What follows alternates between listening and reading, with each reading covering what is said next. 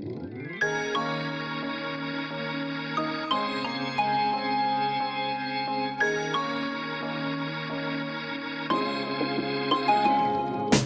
semuanya, selamat datang di Studio Arsitektur Podcast bersama gue Rezini Geranda sebagai host kalian hari ini. Nah, di episode pertama kemarin kita udah berbincang-bincang sama dua mahasiswa arsitektur yang kece-kece untuk sharing tentang daily life mereka sebagai mahasiswa arsitektur. Nah, di sana mereka udah nyinggung-nyinggung banyak ya tentang tugas-tugas arsitektur yang katanya tuh bener-bener sulit atau bikin capek gitu. Terus kadang juga bahkan bikin males. Nah, jadi di episode kali ini kita bakal ngundang dua mahasiswa arsitektur lagi yang sekarang bakal sharing tentang tugas-tugas di arsitektur, terutama dalam proses mendesain. Oke, untuk itu langsung aja uh, gue panggil, gue undang gitu ya. Uh, salah satunya adalah dari Binusian 2022. Halo Dio. Halo. Dio, uh, lo lagi ngapain nih sekarang? Gue lagi menghabiskan hari menghabiskan hari. iya. Kalau iya secara uh, secara apa ya kegiatan lo di arsitektur binus nih, lo lagi ngapain nih? Kalau kan gue sekarang sekarang magang ya. Eh, hmm. Uh, semester pertama magang, semester 6 ya berarti ya? Iya, semester, semester 6. 6. Iya. Gue di sini baru ini sih belajar adaptasi magang di tempat langsung ke proyek orang gitu. Makanya gue juga masih adaptasi juga ke bagaimana arsitektur itu bisa dibangun langsung gitu.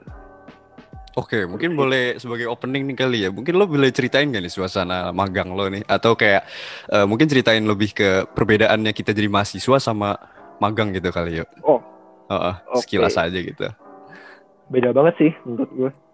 Mahasiswa itu kita kan dibentuk bagaimana kita bisa uh, membangun desain yang kita suka ya. Kayak hmm. kebebasan mendesain ya. Nah, kalau di magang itu kita itu harus bisa merepresentasikan desain orang. Jadi kita tuh membuat atau membentuk desain yang orang suka gitu, yang orang buat si arsitek ini gitu. Oke. Okay. Nah di situ kita tuh tidak bisa kayak sebebas apa yang kita mau. Nah ada batasan-batasan tertentu gitu. Nah okay. di situ gue juga harus belajar bagaimana adaptasi, uh, bagaimana adaptasi dalam kayak membagi waktu juga, Nah, ada deadline-deadline untuk klien. Nah, jadi gitu-gitu sih yang beda banget, yang gue bedain, yang gue rasain dari kuliah okay. sama Iya kayaknya kerasa banget berarti ya uh, dunia apa mahasiswa tuh eh mahasiswa arsitektur yang masih di kuliah gitu di kampus itu hmm. bisa lebih bebas sedangkan di magang tuh harus lebih real gitu lah ya. Iya. Oke. Oke oke. Ya, mudah-mudahan uh, sukses selalu ya magangnya. Oke. Okay. Terus oke okay, kita undang uh, satu lagi, satu lagi teman kita dari kakak kakak kita nih ya, dari B21. Uh, halo Kak Aurel. Halo. Halo Kak. Uh, kalau Kakak nih sekarang lagi ngapain nih Kak? Hmm, aku sih sekarang lagi susun skripsi ya, karena aku udah di Waduh. tahap akhir semester 8. ya, jadi ya tiap hari sih basically uh, revisi, ngurusin skripsi gitu lah. Oke, okay, boleh ceritain kayak apa ya suasana suasana perkuliahan pas di skripsi gitu dong kak gimana kak?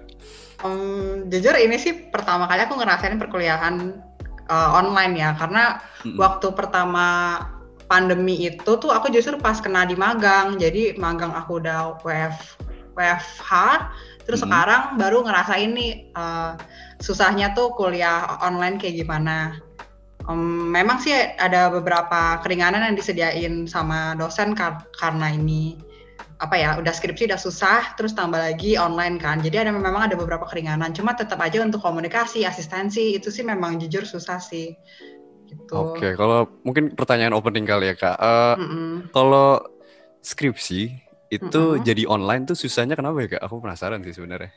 Uh, pertama sih dari asistensi ya karena skripsi itu kan segala aspek pasti kita dalam tanda kutip akan dibombardir. Jadi harus meminimalisir segala kemungkinan kita tuh bisa dijatuhin uh, dengan argumen-argumen yang bisa ditanyain gitu. Jadi oh, otomatis iya. kita kalau semakin sering asistensi sama dosen kita akan semakin sempurna kan istilahnya. Nah karena begini jadi kita tuh nggak bisa asistensi yang ngejar dosen di kelas itu tuh nggak bisa. Jadi bener-bener harus satu kelompok udah pada kelar semua belum? Udah oke okay, baru asistensinya barengan oh, iya, gitu. Iya, iya. Itu kan jadi susah kan untuk mencurhat hal-hal yang personal banget betul, soal betul. proyek kita gitu sih.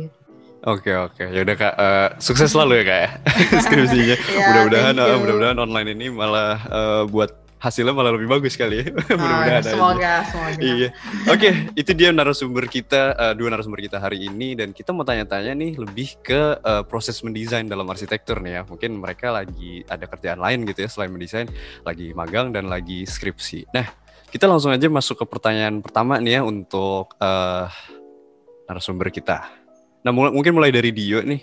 Uh, mungkin gue mau nanya sedikit tentang karena kan tugas arsitektur itu uh, biasanya mainly mendesain gitu ya dan mendesain kan datang dari uh, ide dan inspirasi yang kita dapat gitu. Nah, boleh nggak ceritain nih Dio uh, gimana cara lo tuh nyari ide sama inspirasi untuk desain lo? Oke, jadi itu kalau basically untuk gue sendiri ya, inspirasi dalam mendesain itu kalau gue pribadi, kalau dicari itu nggak datang. Oke. Nah biasanya itu harus dicari itu jatuhnya tuh malah kepaksa kalau misalnya dicari. Gue Oke, lebih suka ide itu datang dengan sendirinya. Kayak misalnya eh gue lagi di toilet atau gue lagi nyetir sendiri. Iya, biasanya kayak gitu tuh baru datang sendiri secara tidak langsung gitu. Berarti kalau lo Ya. nyari manual gitu, misalnya lo sendiri yang nyari atau kayak belajar belajar dari internet gitu-gitu tuh nggak ketemu tuh atau gimana? Oh, beda lagi. Ini Oh, beda ini lagi ya? inspirasi. Kalau kalau misalnya ide, kalau ide Ah. sendiri tuh, nah jadi tuh dalam mencari inspirasi ini, gue itu harus punya referensi ide-ide dulu. Nah itu yang gue cari dari internet, kayak dari Oke. Pinterest atau dari Art Daily. Nah di situ kalau gue udah tahu apa namanya ide- ide-ide tadi yang udah gue dapetin dari internet, nah itu gue bisa ngolah menjadi sebuah inspirasi sendiri.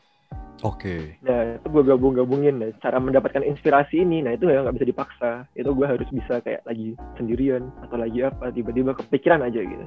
Tapi harus ada referensi tertentu tadi. Nah, ada bayangan lah. Kita punya bayangan desain yang pengen gue buat. Oke, Kayak terus gitu. gimana?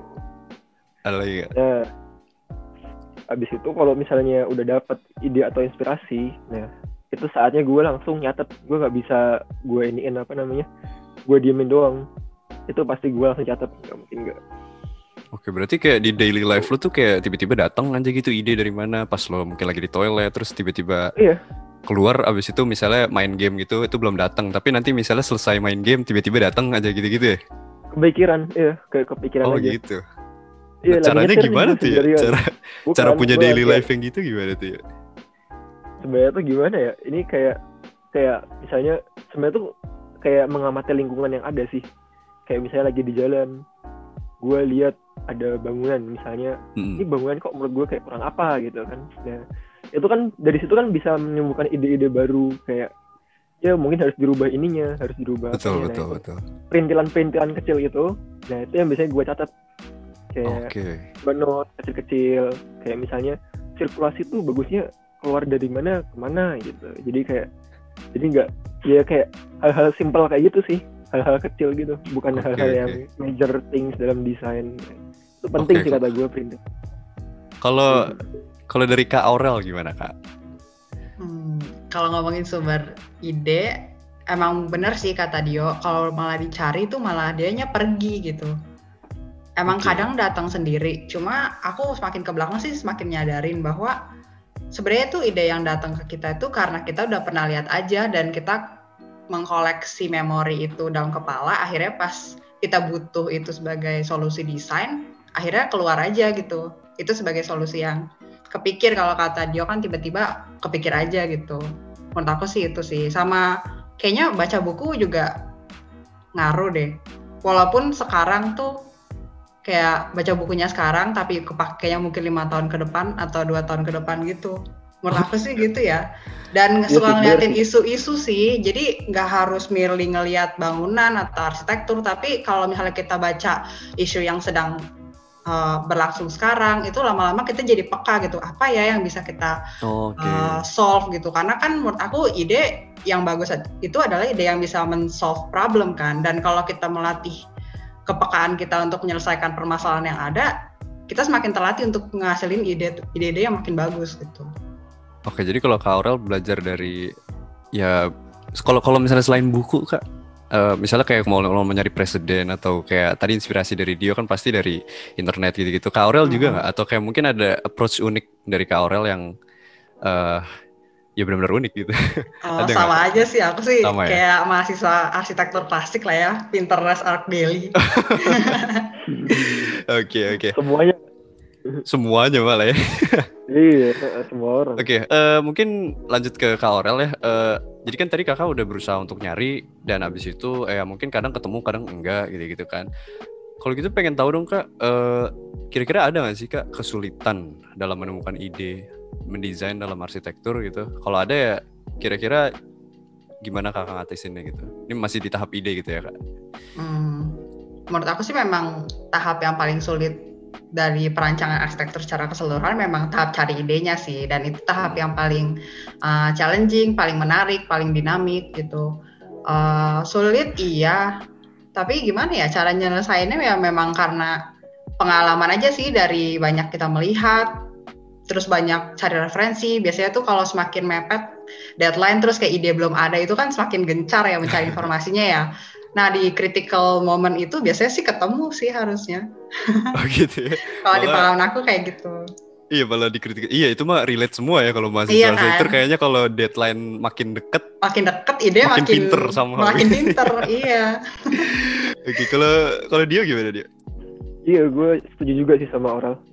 Jadi kalau misalnya desain tuh kalau misalnya dicari semakin deket tuh biasanya mulai ke pancing gitu baru keluar. Tapi biasanya kalau misalnya dalam jangka waktu yang masih range lama, nah kalau gue lagi stuck itu kan biasanya tuh masalah banget tuh, lagi burnout atau lagi stuck, yang bikin gue sulit dalam mencari ide. Nah gue Oke. biasanya kayak suka kalau misalnya gue sendiri, kalau misalnya gue nugas, gue suka pindah-pindah. Jadi nggak nggak nggak selalu di satu tempat yang sama. Biar ide tuh kayak ya dinamis aja. Kayak di sini dapat apa, di sana dapat apa. Jadi gue nggak selalu suka di tempat yang sama gitu. Biar dapat ide yang baik. Kadang gue juga harus refreshing juga. Intinya harus pergilah ke mana aja keluar dari rumah buat biar ide tuh kepancing juga buat keluar gitu. Nah, kalau Gitu sekarang nih sih. pandemi ini kan nggak bisa keluar sesering dulu nih. Kalau lu gimana tuh cara nanggulangi itu? Nah itu dia tuh gue bisa sampai kepikiran banget tuh waktu pas waktu ini ya stupa 5 eh stupa 5 kemarin. Gua Ah, lo udah online tuh ide. ya?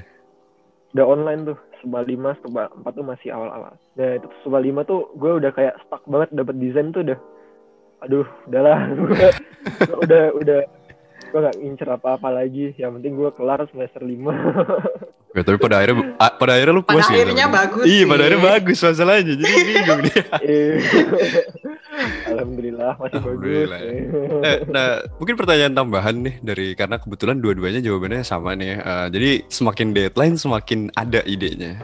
Terus Iya, bener.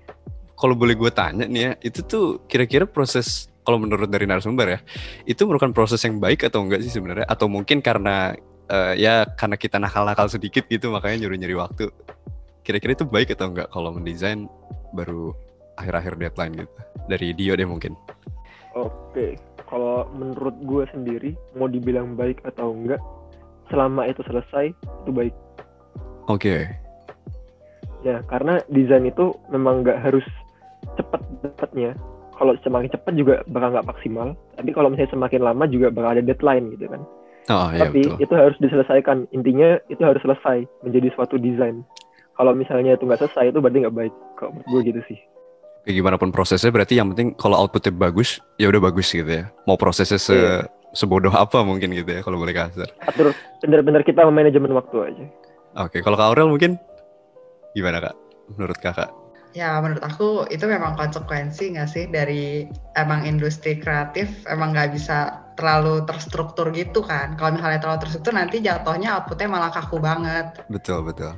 Emang ada saat-saat di mana harus mengorbankan beberapa hal, misalnya memang kita harus deadline atau gimana. Kalau emang nggak bisa dihindari sama sekali ya emang itu jalannya sih. Cuma ya itu tadi uh, done is better than perfect, right? Jadi ya harus selesai baru bag- uh, bagus atau enggaknya itu setelah dinilai setelah selesai kan proyek itu gitu sih. Oke, oke. Oke, kalau gitu kita udah tahu nih jawaban dari mungkin tadi kita pertanyaannya lebih ke habit dari kedua narasumber ini ya yang mungkin eh, ada yang nyari ide harus ke toilet dulu mungkin harus ada pergi-pergi gitu dan ada juga yang misalnya eh, baca buku dan eh, ya trial and error pada akhirnya dan nunggu deadline gitu. Nah, kalau gitu gue mau masuk ke ini nih eh, dalam mendesain bangunannya aja gitu langsung mungkin gue tanya ke Kak Aurel dulu ya. Uh, Kak Aurel, Kak Aurel udah berapa proyek ya udah ngedesain? Ini rumah proyek jadi atau maksudnya stupa, stupaan? Kayak lebih ke stupa sih sebenarnya. Oh, Ber udah berapa kali tuh kayak berarti? Stupa berarti udah lima ya, karena kan udah ngelakuin lima semester kan. Oh, oh. Ya, terus udah pernah magang, jadi ya ada beberapa. Oh, udah banyak ya? Enggak, enggak banyak so. Ya, beberapa lah. Iya, kayak aku mau uh, nanya gimana cara gimana sih cara ngedesain suatu bangunan, Kak? Mungkin itu pertanyaan umum ya. Mungkin kakak hmm. bisa cerita banyak nih di sini. Oke, okay, desain. Jadi aku banyak belajar ngedesain tuh bukan pas tupa justru, pas magang. Oh gitu. Iya, jadi Kenapa jadi Rezi kan uh, Binisian 23 ya belum iya, magang ya, kan. Hmm, Nanti belum. deh kalau kamu misalnya kamu magang, kamu ngerasain di magang tuh bener-bener dibentuk gimana cara kita ngedesain. Mungkin oh, dia gitu. juga iya, mungkin dia juga nanti pasti bisa cerita lah, pasti di magang dia kayak gimana. Jadi kalau di tempat magang aku dulu di Airmas diajarin kalau gini, desain itu bukan mulai dari bentuknya, tapi mulai dari cerita apa yang kita bisa sampaikan dalam desain kita, dalam stupa kita lah misalnya kalau yang lagi okay. kuliah hmm. arsitektur. Um, jadi uh, desain yang bagus itu yang ceritanya kuat gitu. Oke. Okay. Jadi pertama tuh mikirin dulu uh, apa sih yang kita mau masalah apa yang kita mau selesaikan um, atau cerita apa yang kita bisa masukkan ke dalam bangunan ini secara abstrak gitulah. Emang rada susah untuk diterapkan, cuma nanti kalau udah terbiasa jadi uh, jadi gitu. Nah dari cerita itu baru berangkat ke perancangan itu. Jadi jangan mulai dari bentuk dulu kepikir, tapi dari ceritanya sih latar belakangnya apa yang mau dibawa. Kalau dari aku sih gitu. Oke, kalau dari Dio gimana? Nah, kalau menurut gue desain itu problem solving. Jadi okay. ada masalah yang harus diselesaikan. Nah, dengan masalah yang harus diselesaikan itu, bagaimana kita harus mendesain suatu bangunan yang baik itu harus dapat berfungsi dengan baik untuk penggunanya. Dan di mana itu juga bisa di touch up dengan kecantikan. Nah makanya ada istilah yang apa utilitas firmitas venustas oh iya benar. Nah, itu kata gue tuh kata gue itu memang penting tiga base dari arsitektur. Karena di sini tuh dia tuh harus problem solving masalah yang ada dengan uh, menggabungkan apa namanya uh, perintilan tadi yang kecantikan sama struktural yang baik. Nah, kata gue sih gitu sih. Hmm, berarti nggak selalu mendesain rumah itu harus uh, enak dilihat mata gitu ya? Estetik iya, gitu kalau, pasti harus kalau enak enak dilihat mata doang ntar kalau misalnya orang yang dalamnya misalnya kesusahan misalnya atapnya sering bocor atau apa nah iya betul aja. betul. Nah uh, Dio dalam pas lo desain bangunan-bangunan lo itu pas stupa lah gitu ya terutama atau mungkin pas magang kali itu uh, kan lo udah lumayan lama ya di kuliah kan kita durasinya udah berapa ya berarti lo tiga tahun ya tiga tahun tiga ya, Oh. Iya. Itu uh, jadi kan di sana diajarin uh, gimana habit sang, uh, seorang arsitektur uh, by dosen gitu ya, by dosen diajarin bahwa kita harus gini gini gini gini gitu. Nah pas lo ngedesain, yang mungkin kalau gue lihat sih desain lo tuh kece-kece banget sih ya. di Instagram gitu kan lo post terus gue ngeliat portfolio lo itu benar-benar inspiring banget sih. Gue dan teman-teman gue tuh benar-benar inspired. Terus itu tuh uh, apa ya pasti kayak ada bumbu-bumbu spesial yang lo buat sendiri gak sih? Dari tahap-tahapnya gitu. Pasti lo ada yang beda nih sama mungkin ya teman-teman lo atau kayak gue bahkan itu mungkin lo bisa ceritain nggak apakah uh, proses mendesain lo tuh sesuai teori yang diajarin? Atau kayak lo lo bikin hmm. sendiri gitu somehow? Nah kalau bicara tentang proses mendesain secara gue sebenarnya kalau misalnya teori terkadang gue juga mengikuti teori tapi kadang-kadang juga enggak. Ada beberapa desain gue selama gue ngerjain stupa. Nah di stupa 3 ya kalau lo tahu yang bangunannya Binus oh, Center. iya. nah itu kan baru semester 3 anak semester 3 dikasih kebebasan mendesain bangunan yang lumayan besar lah. Mm -hmm. nah masih sedikit naif aja. Nah itu tuh gue lebih pentingin estetika dibandingkan kebutuhan problem solving tadi. Nah, di situ memang memang kebetulan setnya kecil banget kan, bangunan mid rise. Nah, ada ya. kesalahan fatal di situ. Dalam desain itu ada kesalahan fatal yaitu sirkulasi kendaraan, parkir. Di situ gue baru belajar kalau arsitektur gak cuma estetika doang. Nah, okay. jadi semakin ke sini gue semakin belajar itu harus dibalance. Kayak jadi kalau di sini tuh kalau misalnya tahapan sendiri ujung-ujungnya tahapan yang teori secara umum tuh memang udah bener. Itu emang dibentuk untuk membuat arsitektur yang ideal gitu. Oh gitu ya. Jadi uh, sebenarnya kita emang pros pertama tuh uh, gimana ya bahasanya? Tuh kayak pengen cantik gitu kan. Oh iya. Yeah. jadi awalnya mungkin kita emang uh, mungkin punya ego masing-masing gitu ya untuk mendesain secantik mungkin gitu bangunan tapi emang pas pertama-tama agak-agak miss objektif gitu kali ya. Uh, jadi kita nggak iya. mikirin cantik daripada uh, fungsinya gitu. Waktu itu lo berarti kas, uh, kasusnya uh, vehicle ya, vehicle parking ya. Iya. Mungkin tanpa Pikiran. mungkin lo bisa setuju nggak kalau misalnya tanpa kasus itu lo nggak bakal belajar tentang vehicle circulation? Oh, gue setuju banget sih itu. Setuju ya. Oke. Okay. Uh, kalau Kak Aurel, uh, gimana Kak? Kakak tuh lebih yang desain yang uh, benar-benar by the book gitu sesuai tahapan yang uh, mungkin udah diajarin teori-teori yang udah diajarin atau kak Aurel mungkin uh, lebih explore ke mana-mana sehingga kak Aurel bikin tahap sendiri gitu, tahapan sendiri? Kalau aku sih tim yang ngelawan sih. Jadi okay. memang seperti yang dia bilang tadi emang ada tahapan yang emang harus diikutin gitu. Cuma aku selalu coba ngelihat dari sisi lainnya gitu. Makanya ini soalnya agak repetitif cuma menurut aku ya, tadi kan Rezi nanya kalau misalnya dari aku sendiri aku tuh ngedesain uh, cara uniknya gimana sih? Ya hmm. ya itu tadi aku desain tuh dari cerita gitu. Um, aku inspired banget sama Björk Ingels dan aku ngerasa kenapa bangunan dia tuh bagus-bagus? Ya karena ceritanya powerful gitu. Mungkin bangunannya keren banget ada yang lebih keren. Mungkin Zaha Hadid mungkin bisa lebih keren daripada Björk Ingels atau uh, Norman Foster mungkin create buildings yang lebih bagus daripada pihak Inggris tapi aku personalnya emang terinspire dengan cerita di balik sebuah bangunan sih. Aku nggak terlalu mentingin estetikanya bangunan oh ini harus cakep atau aesthetic. Tapi aku lebih mentingin bangunan yang oh mungkin biasa aja. Tapi setelah kita lihat story di belakangnya oh maksudnya ada cerita historisnya ada maksudnya arsitek ini bikinnya kayak gimana itu aku lebih tertarik di situ sih. Jadi itu yang coba aku terapin ke dalam perancangan kalau aku lagi ngedesain stupa atau lagi ngerjain sayembara pas di magang aku ikut sayembara. Nah itu sih yang aku Oke, kalau yang lakukan cerita tadi tuh kak itu tuh uh, baru bisa di enjoy uh, pas kakak ngerti bangunannya itu apa gitu atau kayak behind the scenes gitu apa memang ceritanya itu dapat dari suasana pas eh, di bangunannya gitu kak? Ceritanya itu dapat ketika ada masalah yang mau diselesaikan. Kayak oh gitu berarti sih. iya dalam proses mendesain. Tapi iya, maksudnya kayak pengunjung bangunannya atau kayak uh, secara visual gitu ceritanya itu tergambarkan nggak dari bangunan-bangunan itu? Oh, of course kalau misalnya mereka nggak look look after the, the story behind it mereka nggak akan tahu gitu. Oh iya iya. iya. Ya tapi kalau misalnya udah tahu itu lebih berkesan dan baru ngenaknya di situ sih. Oke oke okay. kalau gitu uh, lanjut aja ke pertanyaan selanjutnya nih ya untuk uh, untuk Dio deh.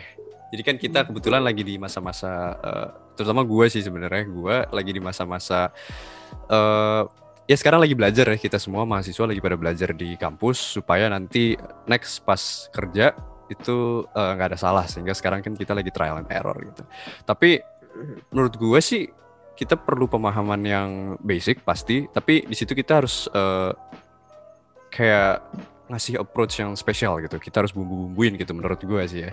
Nah, uh, mungkin untuk Dio gimana cara gimana cara lo ngembangin pemahaman yang basic yang udah dikasih sama kampus gitu terus uh, hmm. menjadi suatu bangunan yang spesial banget. Nah, kalau misalnya kita mau bahas tentang karakter yang unik sama yang berkualitas, itu tuh tergantung berjalannya pengalaman yang sudah kita lalui sebenarnya. Jadi itu kita bertahap dari awal sampai sekarang, gue tuh masih belajar juga. Sebenarnya bener yang kata lu tadi omongin trial and error. Jadi setiap kali kita buat stupa, kadang-kadang kita salah Nah, okay. untuk selanjutnya itu jadi bahan evaluasi untuk stupa yang bakal kita lakukan. Nah, selanjutnya gitu terus. Itu kita belajar terus tuh di situ. Sampai sekarang juga gue di tempat magang, gue di sini masih uh, trial and error juga. Apa pun yang gue lakukan sebelumnya salah, itu bakal gue benerin di bakal gue evaluasi untuk ke depannya gitu kan. Oke okay, oke. Okay, gue okay. banyak belajar nih di magang sama arsitek in charge-nya langsung gitu. Oke, trial and error berarti ya kuncinya. Iya, Nanti iya, dari situ benar dari tahap itu bangunan lo jadi eh, jadi unik, jadi unik gitu jadi ya. kualitas. Oke, oke. Kalau Kak Aurel gimana nih, Kak? Jawaban aku hampir sama sama dia sih. Emang harus dicoba sih.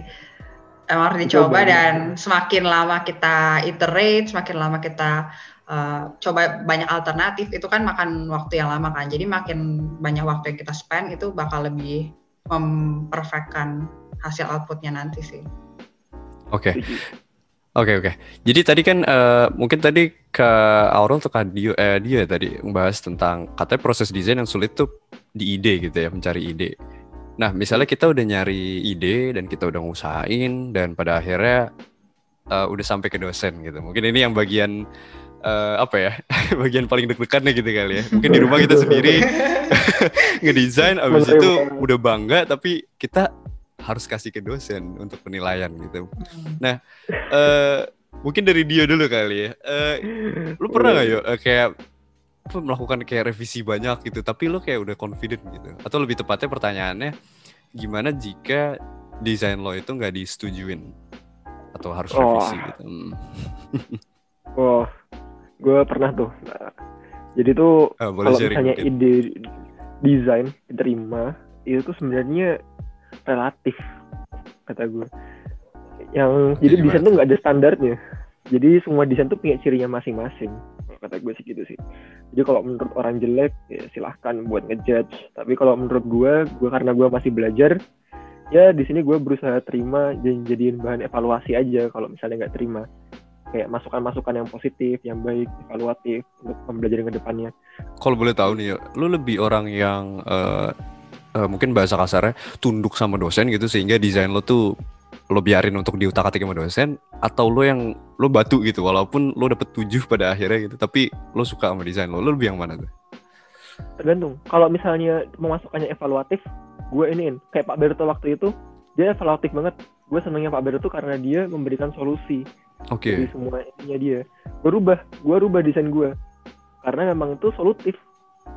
Kalau misalnya desainnya kayak perintilan kecil-kecil kayak karena cuma tesnya dia doang, misalnya kayak dosen A senangnya kayak gini. Nah itu kan memang karena kesenangan dia gitu Iya, kan. preferensi masing-masing. Kata gue referensi masing-masing. Tapi kalau yang model-model kayak Pak Berto kemarin itu solutif banget kata gue.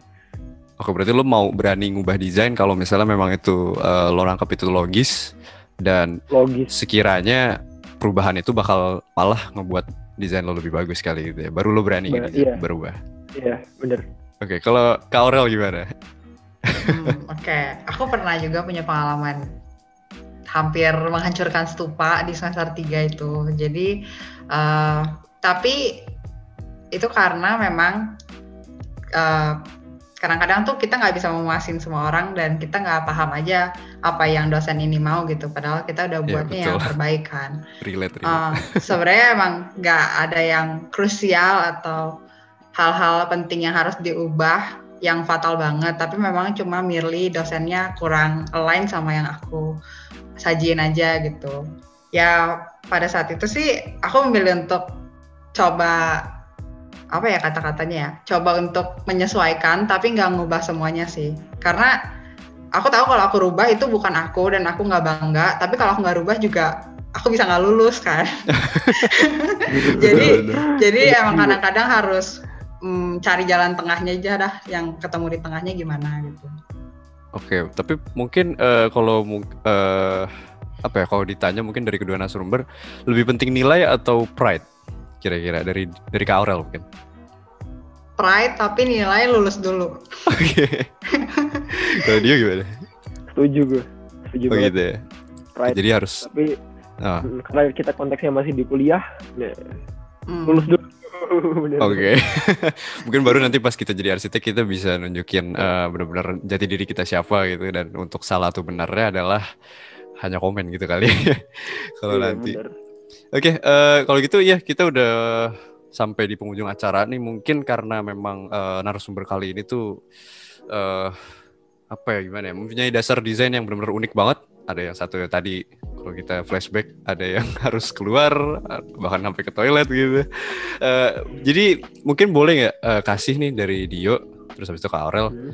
kasih eh, mungkin bisa kasih saran nih untuk kita kita para mahasiswa arsitektur atau siapa pun yang eh, orang-orang mendesain gitu boleh nggak minta saran dalam mendesain Kalau saran dalam mendesain, kata gue, desain tuh jangan dicari, inspirasi jangan dicari, tapi lu harus banyak cari referensi dulu, banyak-banyak. Nanti itu bakal muncul dengan sendirinya. Sesuai yang katanya Oral juga bilang tadi. Kalau kata gue sih gitu sih. oke Kak Aurel Kalau dalam desain. Kalau dari aku sih buat sebanyak mungkin kesalahan dulu sih. Semakin banyak kertas coret-coret yang kalian abisin selama kalian mencari sebuah ide, nanti pas outputnya itu semakin bagus. Karena kalian udah tahu yang salah yang mana gitu. Oke, wow. Itu dia narasumber kita yang unik dan hebat-hebat ya. Kita tentu belajar banget nih hari ini tentang proses mendesain dalam arsitektur. Nah, untuk itu eh, thank you ya Dio sama Kak Aurel udah datang hari ini di podcast. Untuk Dio eh, sukses selalu ya magangnya. Mudah-mudahan eh, Baik. pandemi cepet kelar supaya eh, kita semua dan lo juga bisa brainstorming keluar gitu ya supaya ide-idenya gampang lah gitu. Dan Amin. untuk Kak Aurel, eh, semangat juga Kak skripsinya. Mudah-mudahan di masa online ini Kakak bisa lancar ya skripsinya Kak dan ngasih Ya. hasil yang paling maksimal. Thank you, thank you for having me. Kalian semua semangat ya kuliahnya. Oke. Iya. Dio Semangat, magangnya. Eh, Thank you. Ya. Oke. Untuk itu sekian podcast hari ini. Jangan lupa tunggu podcast episode selanjutnya bersama gue Reza Anda. Dadah.